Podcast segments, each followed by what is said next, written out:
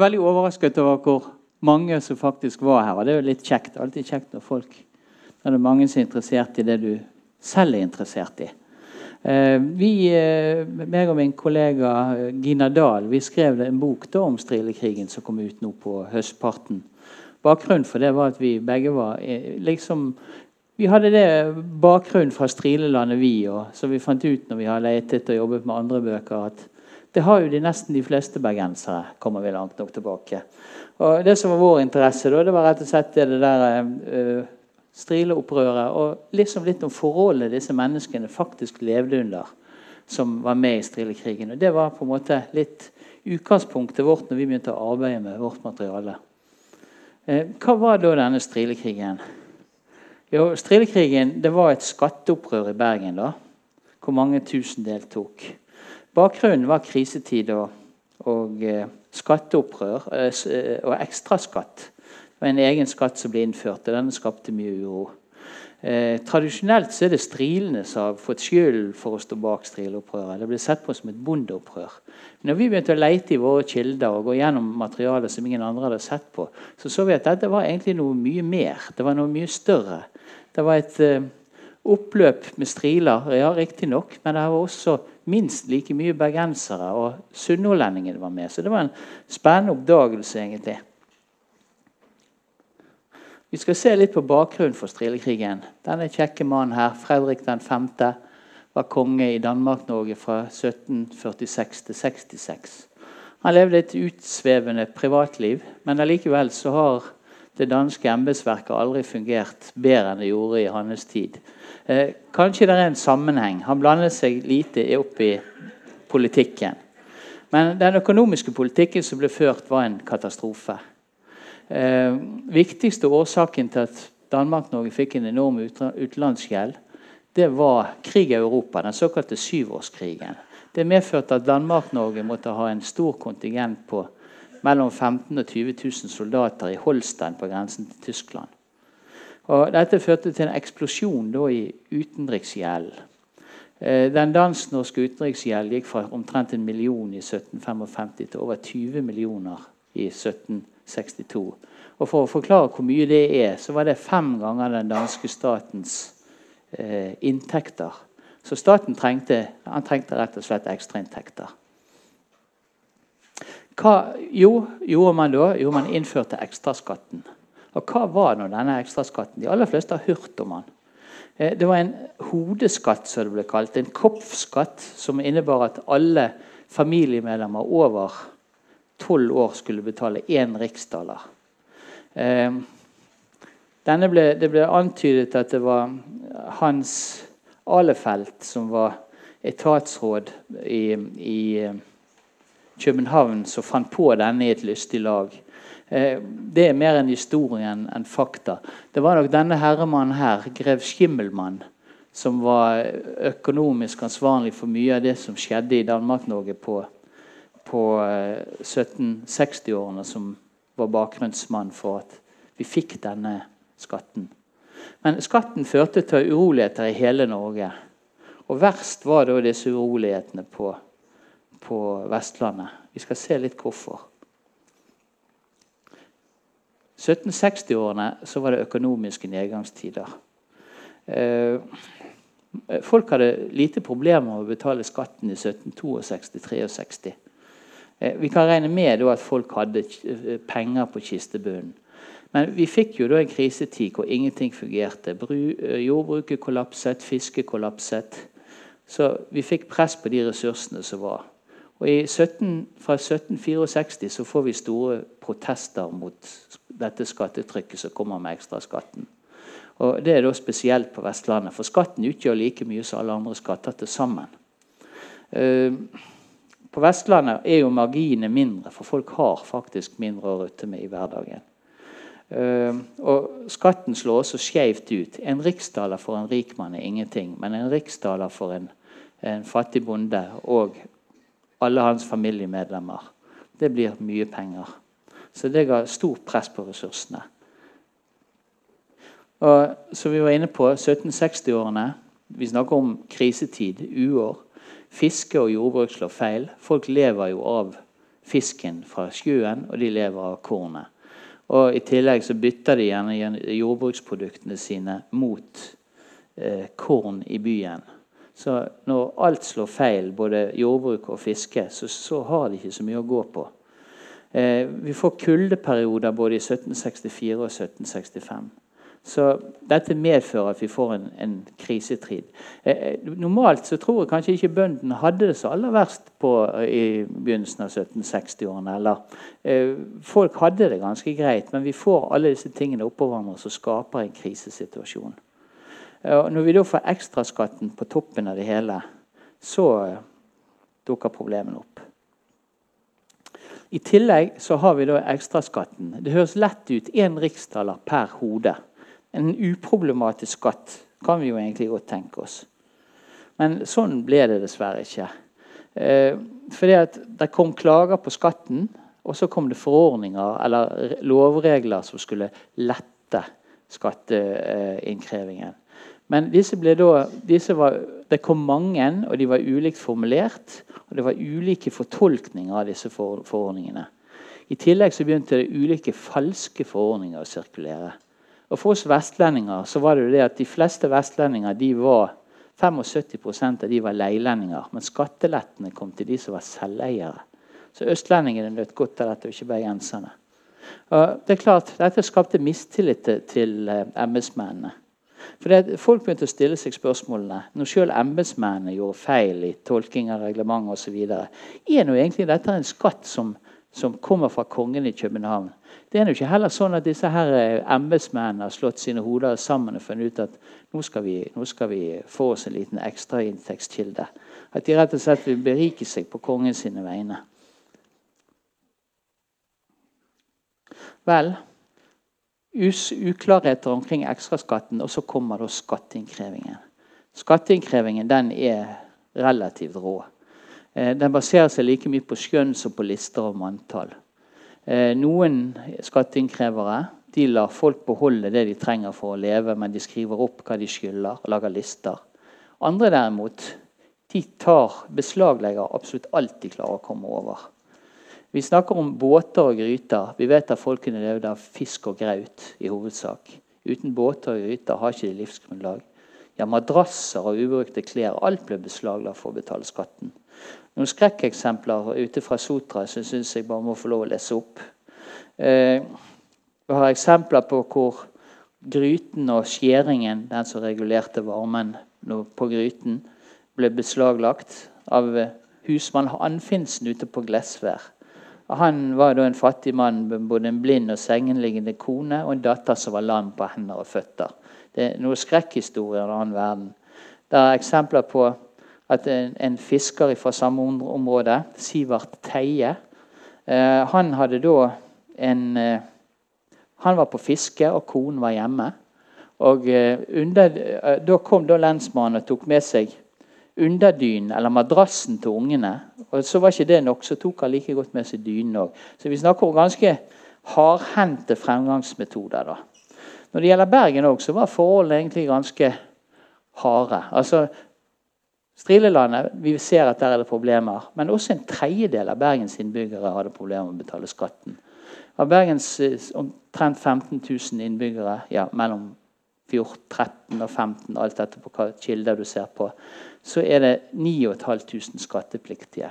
Og over en tredjedel av disse klarer ikke å betale skatten.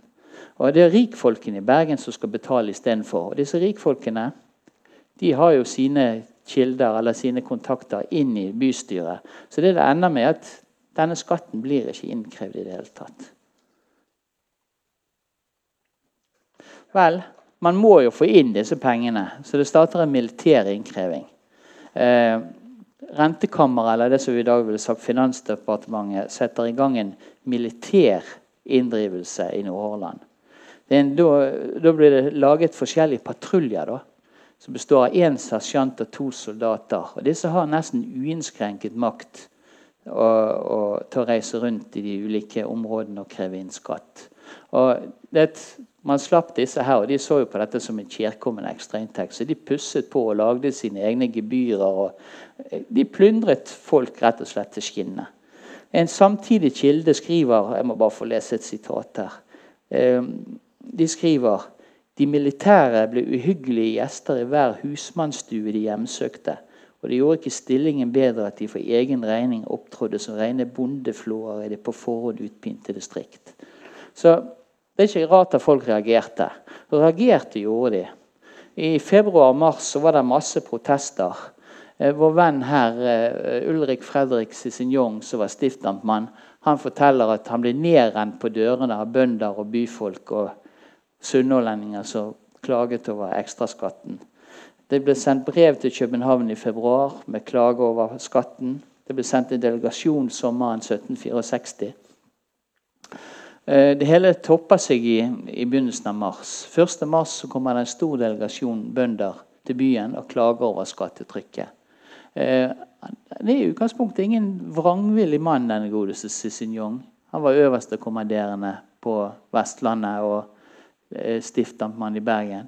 Han lovet å hjelpe bøndene med å lage et bønnebrev.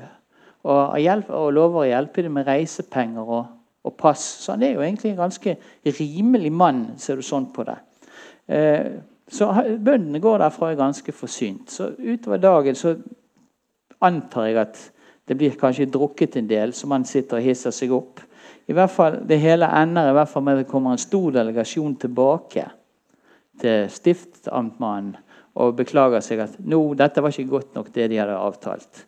Og De krever nå å få se den ekte forordningen. Den ekte forordningen det er en falsk forordning som lover en masse folk.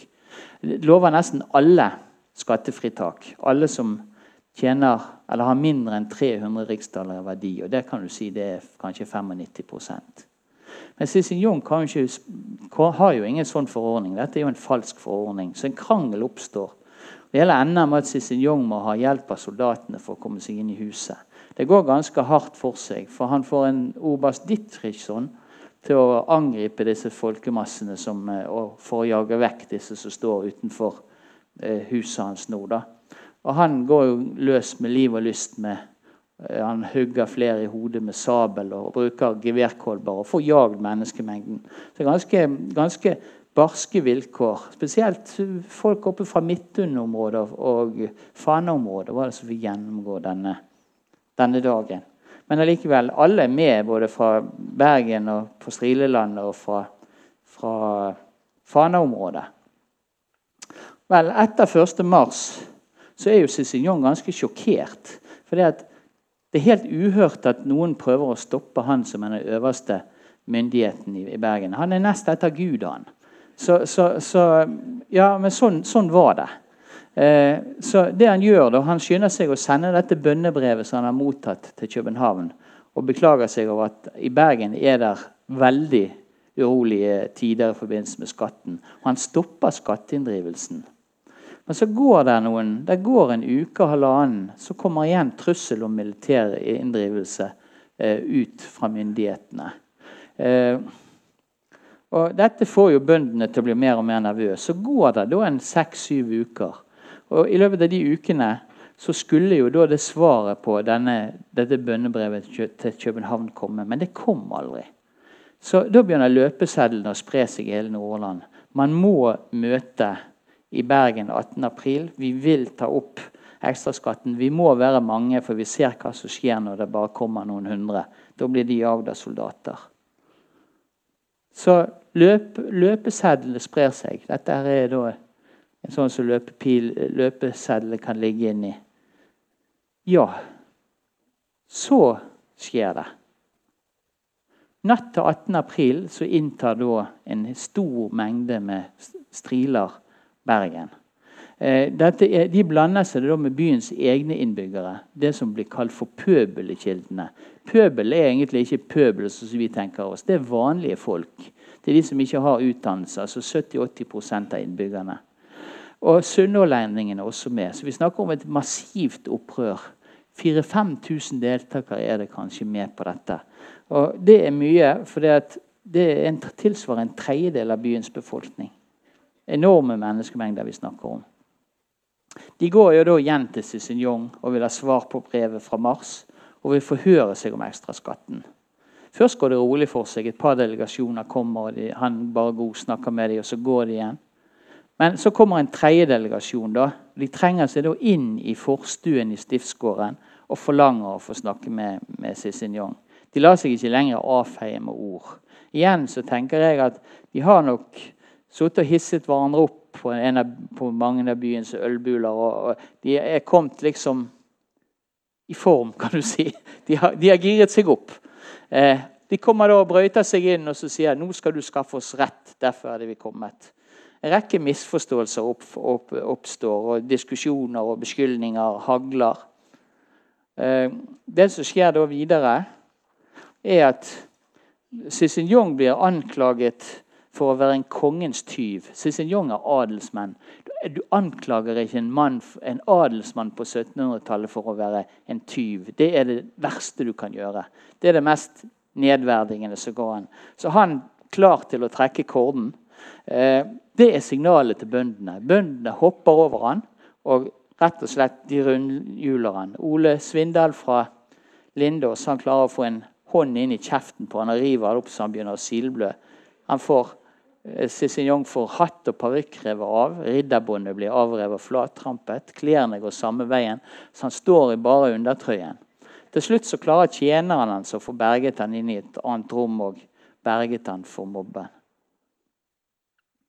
På samme tid så er også Bilsø, eh, Bilsø fogden til Nordhordland og Voss i byen.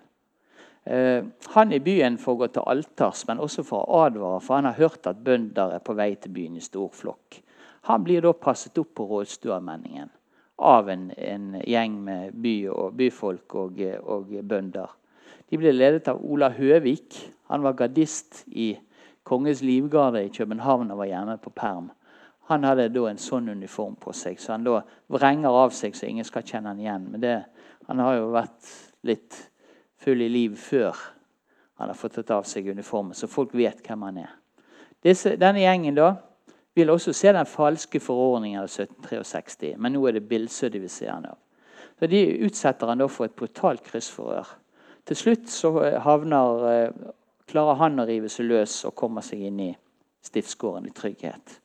Han skriver så greit Bilsø. De tok meg med vold og førte meg mellom seg på en langt mer avskyelig og fortvilt måte enn om jeg hadde vært den største missteder. Det skriver han i brev seinere. For de som lurte på det missteder, det er forbryter, da. Eh, vel, Stiftgården blir beleiret. Det det ender med, er at mobben klarer å bryte seg inn, ledet an av bergenseren Jokum det Lange kjemperik skippersønn som da har funnet ut han skulle bli bonde og slått seg ned ute på Flatøy. Eh, ung mann som er egentlig sanseløs av beruselse, så det kommer frem i kildene. Som er da veldig aktiv her. Eh, han har vært bonde i et halvt år etter han har kjøpt seg gårdsbruk på Flatøy og, og uh, slår seg sammen med sine strilenaboer. Vel, Bilsø ble båret ut av huset. Cicignon ble funnet i hagen og slept ut fra, fra stift, stiftshagen og ut på Rådstuallmenningen. Embetsmennene nå i folkemengdens vold. Cicignon ble jo redd for livet. Du, omtrent sånn som dette ser det ut. Du står med en gjeng med, med opprørte, halvfulle, ville eh, eh, si, byfolk og, og, og striler som er, er, er, klar til å ta han. Så han tror at han blir et slaktoffer for ekstraskattens ytelse. Sånn. Sier. Og Det eneste han klarer å komme på, hva kan jeg gjøre? Jo, jeg lover alle ekstraskatten tilbake. Så sagt, så gjort. Han lover at alle skal få ekstraskatten tilbake fra august 1767.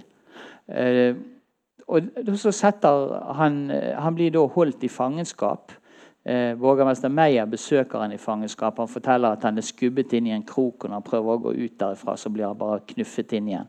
Så han får gjennomgå. og det, her må vi tenke, det er omtrent som kongen skulle fått denne behandlingen i dag. Så Det er ganske heftige ting vi snakker om.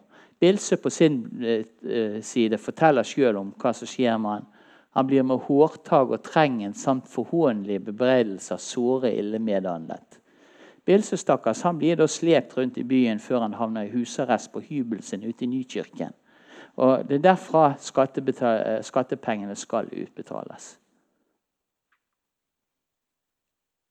Vel, etter opptøyene Cézanne har lovd alle tilbake, både eh, skattepengene tilbake. Bergenserne som ikke har betalt så mye skatt, strilene og sunnhordlendingene. Alle er lovet pengene tilbake.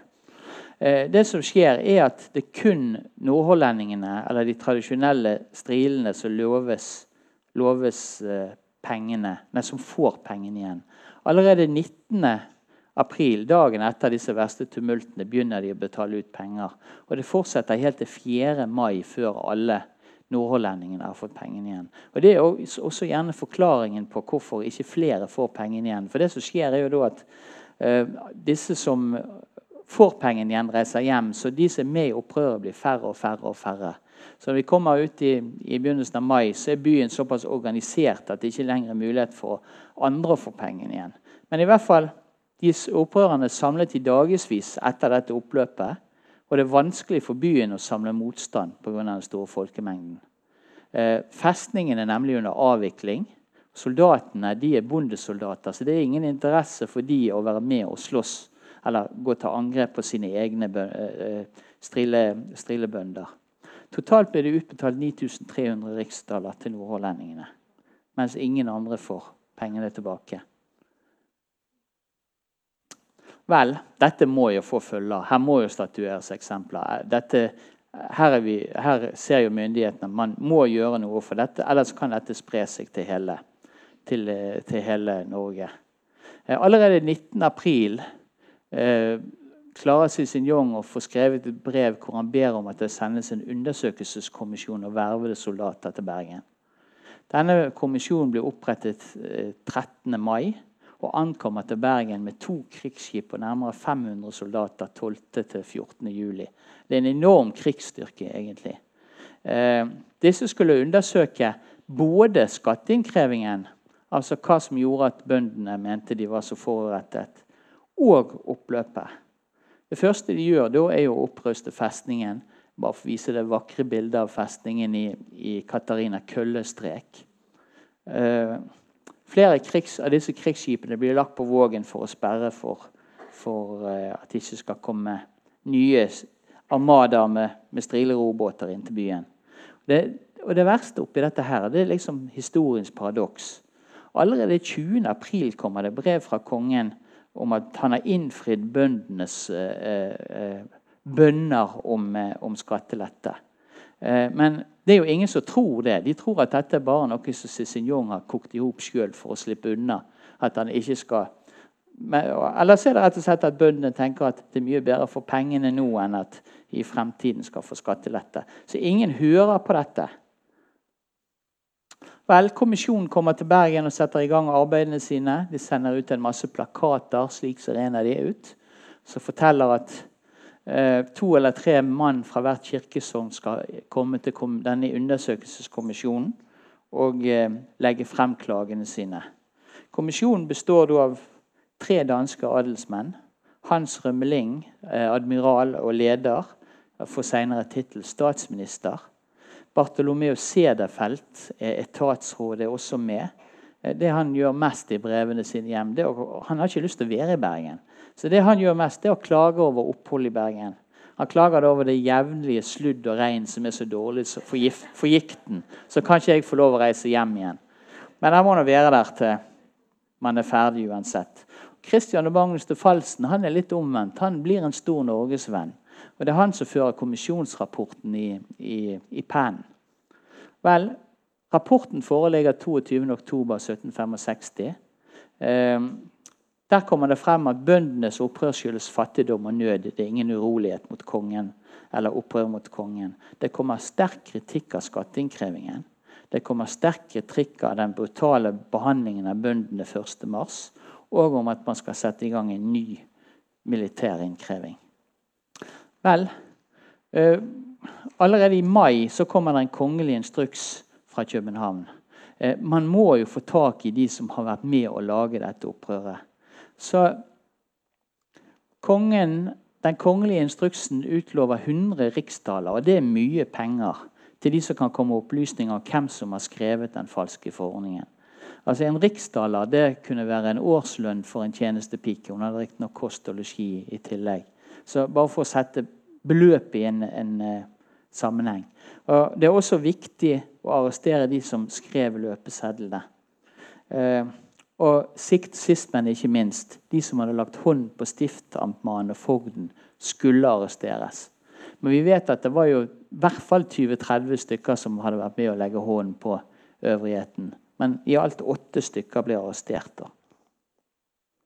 Og så starter en lang, kronglete rettssak. Rettssaken varer i ja, bortimot en to og et halvt år. Og De straffeforfulgte det er ikke striler, sånn som vi skulle tro. Det er en blanding mellom bergensere og soldater og eh, strilebønder. Så alle er med, på en måte. Eh, og alle blir straffeforfulgt. Eh, fire, de minst skyldige, de blir da lovet at de, de får valget. De får valget mellom at kongen sjøl bestemmer straffen, eller at de kan gå gjennom en lang og usikker rettssak. Så de fire minst skyldige de velger da heller at de vil ha en kongens dom. Tre av de får tre måneders straffarbeid. Fjerdemann får et år i fengsel. Det som regnes for hovedmennene, derimot eh, Svindal eh, eh, fra Lindås, Sletten fra Radøy og Høvik, soldaten fra Eksingedalen, de har lagt hånden på stiftamtmannen, så de blir dømt til døden. Vår venn Lange han blir dømt til livsvarig straffarbeid, for han har bare slått fogden, Bilsø. Det er litt mindre farlig, liksom. Men saken verserer da i rettssystemet i en årrekke. Og hele tiden sitter da disse fire typene innesperret. Vel Det som skjer da Eh, høsten 1767 begynner visestadtolder denne kjekke herremannen her, Jakob Benson å vise interesse for strileopprørerne. Etter hans mening så er ikke de som er arrestert, mer skyldige enn mange av de andre som har vært med på det som er skjedd av opprør og tumulter i Bergen. Eh, så Han mener de har sittet to og et halvt år på vann og brød i temmelig kummerlige forhold. Det er godt nok. Nå kan de løslates. Men sånn går det ikke. Saken går like til Høyesterett. Her blir nå da alle, inkludert Jokum de Lange, dømt til døden. Eh, årsaken til at de nå bestemmer at også Jokum de Lange er dømt til døden, det er jo at han er av bedremanns familie og burde vite bedre. Han er rik og har i grunnen ingenting å klage over. Så, så Derfor dømmes han òg. Men før det kommer så langt, så dør Lange i, i fengsel av sykdom. Eh, og Bare noen måneder seinere, 21.9.1768, så utsteder da den nye kongen, kong Kristian 7., jeg har ikke bilde av han her, en benådning. Sletten han blir sluppet fri. For det viser seg at Sletten han har sannsynligvis bare skrytt i fylla at han har vært med på dette. her. Men han har ikke vært med, for det finnes ingen vitner som kan bevise det. Eh, Høvik og Svindal, som er påviselig noen av de ivrigste, de blir dømt til livstid. Men de slipper likevel ut etter noen år. Og Her er liksom noe av det geniale med det dansk-norske systemet. Du har et rettssystem som setter et eksempel og sier at de må dømmes til døden fordi de har gjort noe eh, som krever dødsstraff. Men så har du en god konge som kommer inn. Kongen er, har liksom myten den gode far i København som ikke kan gjøre noe galt. Så han går inn da og benåder de og dømmer de til livsvarig fengsel istedenfor. Det er sånn genialt trekk i sånn dansk-norsk politikk kontra eh, Norge.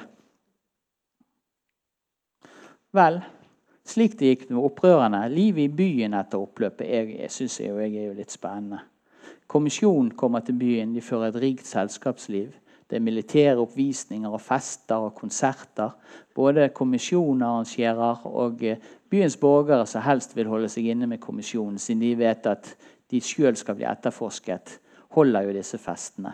Det viser seg da at Da kommisjonen forlater Bergen 18.2.1766, så har de brukt mer enn 11 000 riksdaler. Altså 2000 mer riksdaler enn det som disse stakkars strilebøndene ble innkrevd for. Og Det er også i denne sammenhengen mange mener at harmonien ble stiftet. 8 oktober var det en, en uh, musikkaften i dette huset som er Peter Greves klokkehus. Ser er klokken oppe her, som lå på Rådstølmenningen. Da ble det innstilt et orkester. Vi hører ingenting om at kommisjonsmedlemmene er til stede der. Men dagen etterpå så spiller det samme orkesteret på Fossvinkels eh, lysthus ute på, på Nygård. Og Der vet vi at eh, kommisjonsmedlemmene er med. Det er den sammenhengen i tid eh, med kommisjonen og strilekrigen og dette selskapet som gjør at mange tenker at så kobler strilekrigen og harmonien i sammen. Ikke, det har gått litt i avisene. dette. Jeg skal ikke si hva som er riktig, men det er i hvert fall et sammenheng i tid. Det er en diplomatisk måte å se det på. Eh, ja. Bergenserne på sin side på denne tiden, på samme tid, de blir satt under administrasjon. For som vi var inne på, De har jo ikke betalt skatt. Så nå kommer det trusler om militærinndrivelse eh, av skatten fra kommisjonen mot bergenserne. Eh, ja. Og Falsen, som er da eh, en som skriver mye brev hjem, han forteller at inndrivelsen av skatten i Bergen det skal, det skal, fungere for å statuere et eksempel. Vi skal ha skatten inn av bergenserne fordi de faktisk ikke klarer de har ikke klart å gjøre det de skal under Strilopprøret. Samtidig med alle festlighetene fattige folk har det så fattige folk. De sulter. På landsbygden sulter de, i byen fester fint folk. 1765 er avlingene kun to tredjedeler av normalen. Mange steder er det mye eh, Alt korn er umodent. Det blir spedd med bark. Man har ikke penger til korn, for det er godt til å betale skatt. Og fiske slår igjen. Det er ren hungersnød. Falsen forteller igjen at bøndene er så fattige at de ikke engang har bark å ha i brødet. Så ganske jeg syns hun er så flott. Hun her viser en striledame fra Osterøy i begynnelsen av 1770-årene. Men det er bare for å vise kontrasten, hvordan vanlige folk hadde det. Bare føtter. De, eh, ja, Men det ordner seg. Det kommer kornskrik fra Danmark, og, og det meste, den meste ordner seg egentlig. Så i, men ekstraskatten er der fremdeles. Og I begynnelsen av 1770 så får vi igjen krisetider. Eh, det som skjer samtidig, er at Gustav 3. går til statskupp i Sverige 19.8.1772. Det statskuppet det medfører at eh, dan, da, eh, dan, den danske regjeringen ser en fare for krig med svenskene. Så det de skynder seg å si nå, det er at eh, vi avvikler ekstraskatten i, i Norge eh, pga. de dårlige tidene og hungersnød osv. Eh, den egentlige grunnen er at de vil sikre norske soldaters lojalitet. og Derfor blir ekstraskatten opphevet i, i eh, Norge. I Danmark får de beholde den til 1812. Så det er klart altså, det var viktig å få beholde de norske soldatene. Eh, men som sagt, den offisielle årsaken det var nøden i Norge. Bare runde helt av nå på slutten. Det, hvorfor kalles det en strilekrig? 1.3 er det jo både striler, bønder fra Sunnhordland og bybefolkningene som er. Og man stopper inndrivelsen av skatt i hele uh, Søndre Bergenhus. 18.4 igjen. Der er mellom 1000 og 2000 striler, men det er minst like mange byfolk pluss bønder fra Sunnhordland. Og alle får tilbud om å få ekstraskatten tilbake. Men kanskje er det fordi at strilene oppførte seg verst. Strilene var flest utenbys fra. Det var de som fikk pengene igjen. Pga. tidspresset så var det bare de som fikk pengene igjen. Det var de som sendte bønnebrev til kongen. Eh, det var kanskje lettere å legge skyld på strilene enn på den bergenske bybefolkningen, som var en kjempestor befolkning i dansk-norsk sammenheng. Og så samtidig beryktet fra før av. De visste ikke hva de kunne finne på. Men det som i hvert fall er tilfellet, er at uten strilene og bergensernes felles front i Bergen den 18. april, hadde det neppe eksistert noen strilekrig. Det er en veldig kort variant av strilekrigen som jeg hadde lyst til å fortelle dere i dag. Bare si takk for oppmerksomheten.